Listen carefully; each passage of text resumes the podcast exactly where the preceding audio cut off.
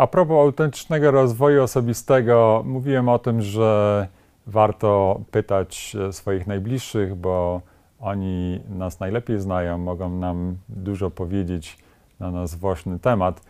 Inną praktyką, którą e, bardzo sobie cenię jako katolik, jest e, sakrament spowiedzi, pojednania.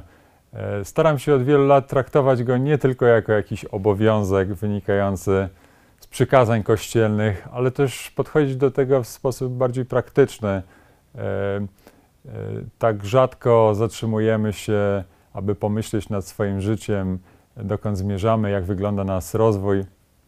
I tak też podchodzę do spowiedzi, staram się patrzeć krytycznie na swoje relacje z Bogiem, z samym sobą czy z innymi, e, ponieważ w tym zawiera się wszystko, co dotyczy rozwoju człowieka. E, a, a spowiedź jest do tego e, doskonałym e, momentem, żeby spojrzeć na siebie w prawdzie i,